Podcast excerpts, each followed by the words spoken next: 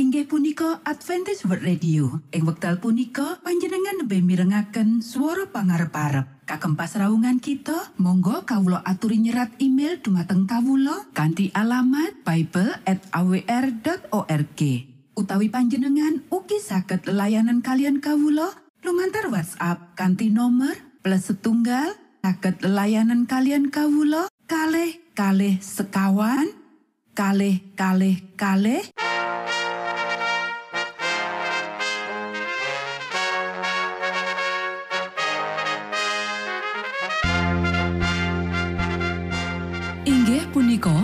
Adventist World Radio ingkang giaran kanti basa Jawi.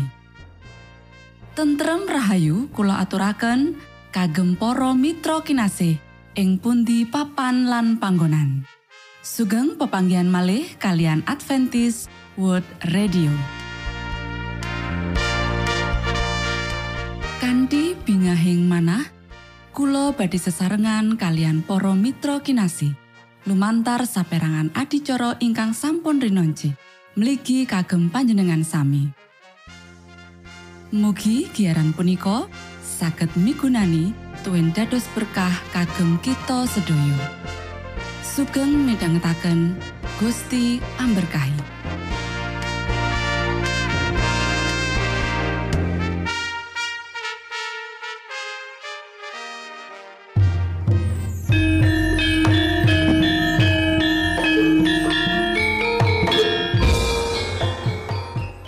Para pamirsa kinasih ing Gusti Yesus Kristus, ing wekdal punika kita badhe sesarengan ing adicara ruang kesehatan ingkang saestu migunani kagem panjenengan saha kita sami.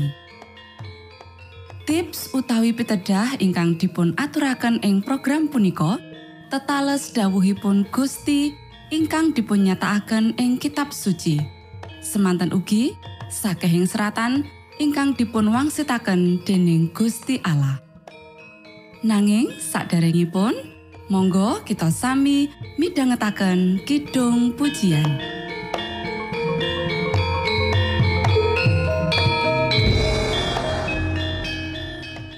Monggo stiku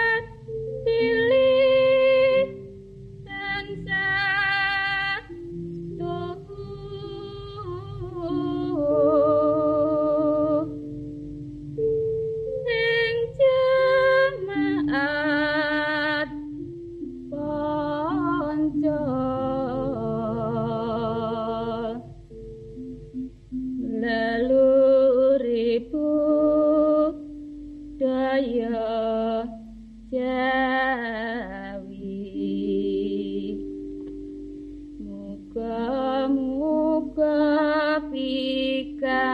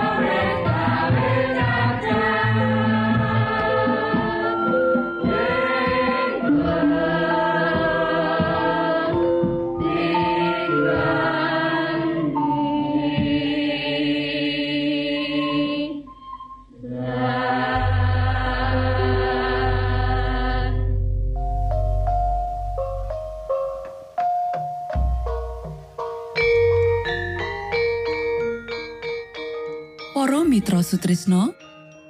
Puji syukur dumateng Gusti ingkang murbeng dumati ingkang sampun kepareng paring wewenngan kagem kita. Satemah saged nglajengaken ruang kesehatan. Pirembakan kita semangke kanthi irah-irahan. Sengaja nglirwakake angger-anggering urip.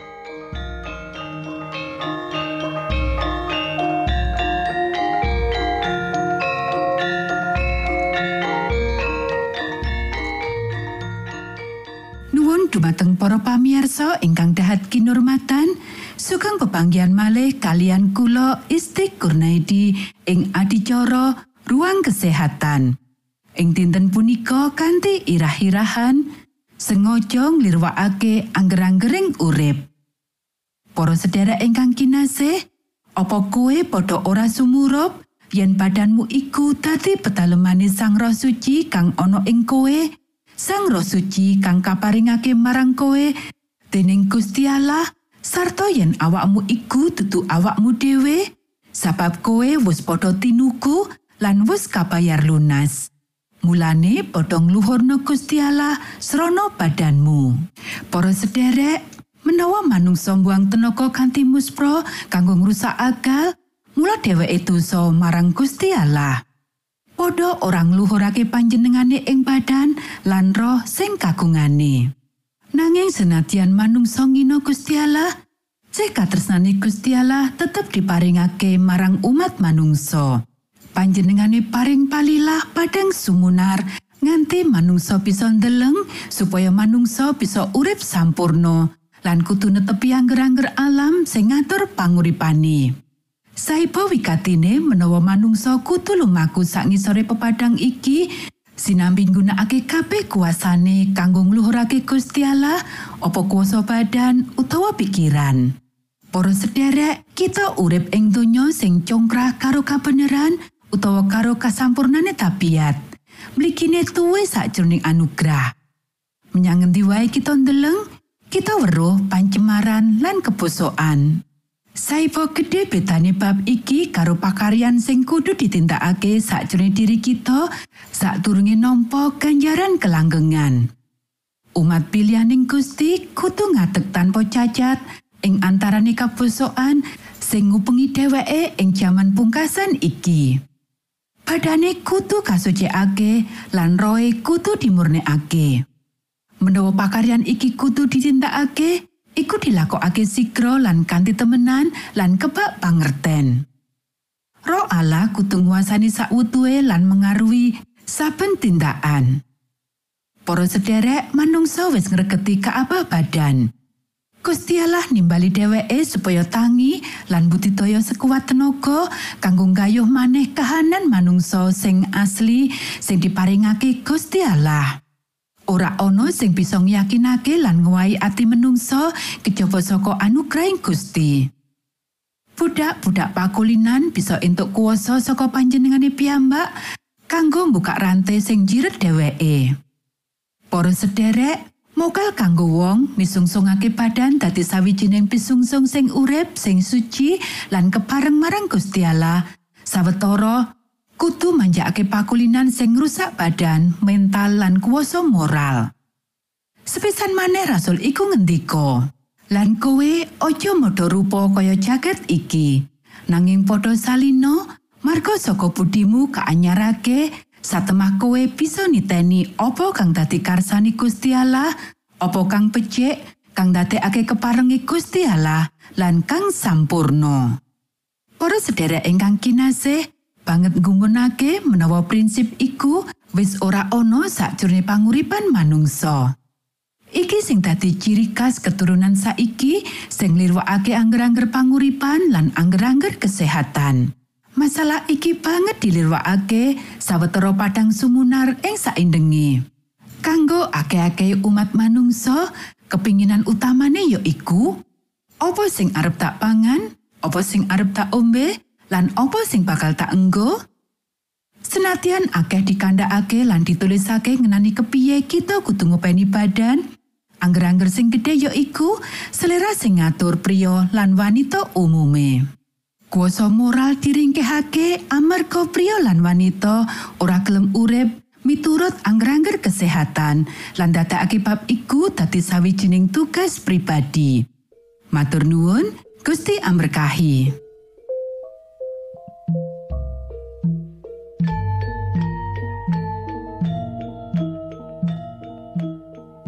Cekap semanten pimbakan ruang kesehatan ing episode dinten punika. Ugi sampun kuatos jalaran kita badhe pinanggih malih ing episode sak lajengipun.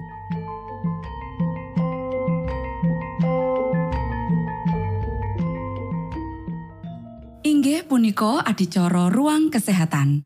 Menawi panjenengan gadah pitakenan utawi ngersakaken katrangan ingkang langkung, Monggo kulo aturi kinton email dateng alamat ejcawr gmail.com utawi lumantar WhatsApp kanti nomor 025 pitu 00 songo songo papat 00 pitu.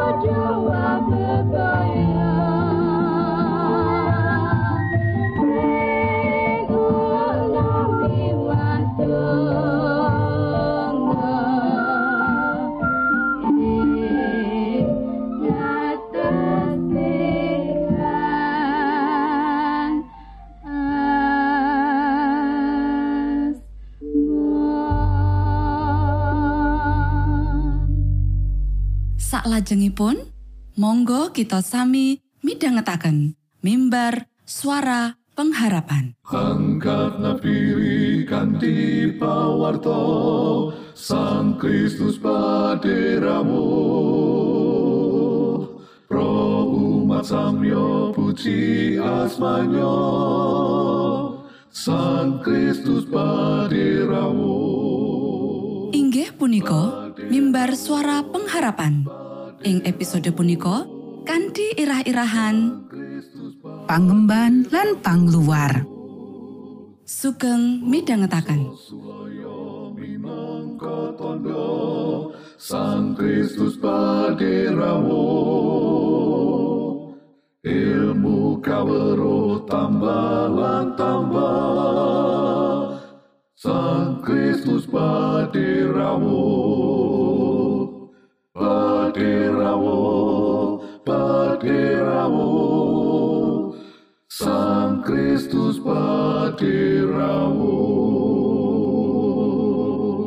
Shalom para sedherek ingkang kinasih wonten ing Gusti. Sakmenika kita badhe mitangetaken renungan Sabto pangantikanipun Gusti. Ing dinten punika kanthi irah-irahan pangemban lan pangluar. Para sedherek ingkang kinasih ayo diwaca kitab Mazmur pasal 114 Nalika Israel budal saka ing tanah Mesir, nalika turune Yakub metu saka ing tengahing bangsa kang sejepasane, nuli Yahuda dadi papan pasuciane, Israel dadi wewengkoning panguwase. Sekara weruh banjur lumayu, pengawan Yarden bali manduwur. Gunung-gunung padha mencolot-mencolot kaya wedhus lanang, tengger-tengger padha lincak-lincak kaya cempe. He sekara, kene ngopo dene kowe kok mlayu? He pengawan Yarden, dene kowe bali manduwur? He gunung-gunung, dene kowe padha cecolotan kaya wedhus lanang? He tengger-tengger dene kowe padha lincak-lincak kaya cempe? Kumetero he bumi ana ing ngarsaning pangeran. Ana ing ngarsane Gusti Allah Rama Yakub, kang wae parang dadi blumbang, tuwin watu kang atos dadi sendang. Para sedherek ingkang kinasih, saipo endahi gambaran pangluaran saka Gusti Allah kang itapi-tapi menggaing para putrane saka tanah pangawulan Mesir kang sinerat ing kitab Zabur pasal 114. Sakdawane kitab perjanjian lawas, malah nganti perjanjian anyar, pangluaran saka Mesir disawang minangka pralambang panguasane Gusti Allah kanggo nyelametake umate. Rasul Paulus ing panyerate ayat-ayat ing Korinta nindakake bab iku. Ningali kabeh sejarah kang nyoto minangka sanepan, pralambang kawilujengan jroning Sang Kristus Yesus. Para sederek, Sabur pasal 114 uga nyerat lan gambarake pangluaran ilahi lumantar panguasane lan kuasane minangka kang nitahake menggahing kekuatan alam kang minangka cara Gusti Allah ngluari umate ing pangentasan.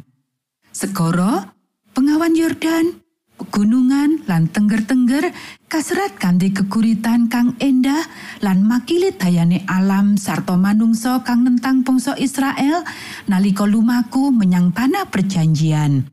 Kita bisa maca ing pangandaring Toret pasal siji ayat papat lan Yusak pasal telu ayat 14 nganti pitulas.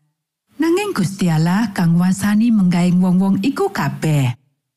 Kasunyatane, kanggo akeh putraning Gusti Allah ing kabeh jaman lan ing kabeh panggonan, dalan kang nuju marang Yerusalem surgawi kebak bebaya. Kitab Sabur njurungi marang wong-wong iku ndeleng ing burine tengger-tengger lan ing ngarsane Sang Pangripta langit lan bumi. Sabur pasal 1 selikur ayat siji. Para sedherek ingkang kinasih, tumindak gedene Gusti Allah kanggo umate kutune ngilhami sekabehe bumi kanggo gumeter ing ngarsaning Gusti Allah. Sabur pasal 114 ayat pitu. Gumetere kudu dimangerteni minangka pangakon lan panembahan dudu kaweten. Sabur pasal 96 ayat songo lan pasal 99 ayat siji. Kanti Gusti Allah nunggil karo dheweke, wong percaya ora usah wedi. Monggo kita sami tetunggo. Duh Rama kawula ingkang wonten ing swarga, asma patuko mugi kasucikaken. Kraton patuko mugi rawuh. Karso patuko mugi kalampahan wonten ing bumi kados dene wonten ing swarga. Kawula mugi kaparingan rejeki kawula sak cekapipun ing dinten punika. So patuko mugi ngapunten kalepatan kawula kados dene kawula inggih ngapunteni tetiang ingkang kalepatan dhateng kawula. Punapa dene kawula mugi sampun ngantos katantukaken dhateng ing panggoda nanging mugi sami patuko uwalaken saking piawon. Awit dene patuko ingkang kagungan kraton sawisesa tuen kamulyan salami laminipun. Amin.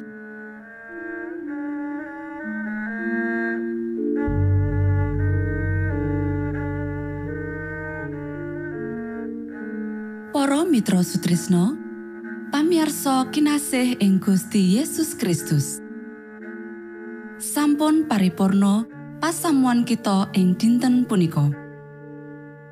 Menawi panjenengan gadah pitakenan utawi ngersakaken seri pelajaran Alkitab suara nubuatan Monggo Kulo aturi kintun email dateng alamat ejcawr at gmail.com utawi lumantar WhatsApp kanti nomor 025 pitu 00 songo songo papat 00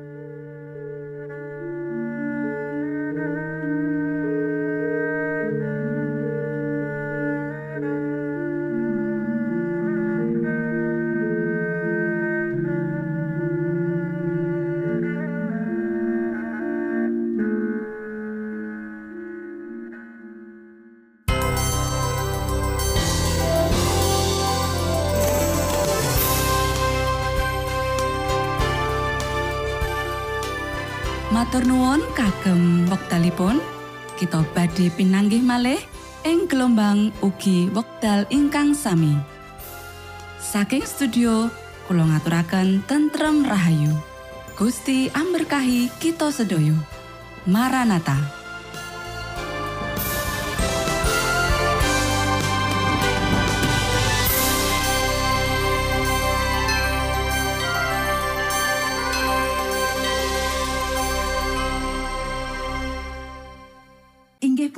Adventist World Radio. Ing wekdal punika panjenengan lebih mirengaken swara pangarep-arep. Kagem pasraungan kita, monggo kawula aturi nyerat email dumateng kawula kanthi alamat bible@awr.org.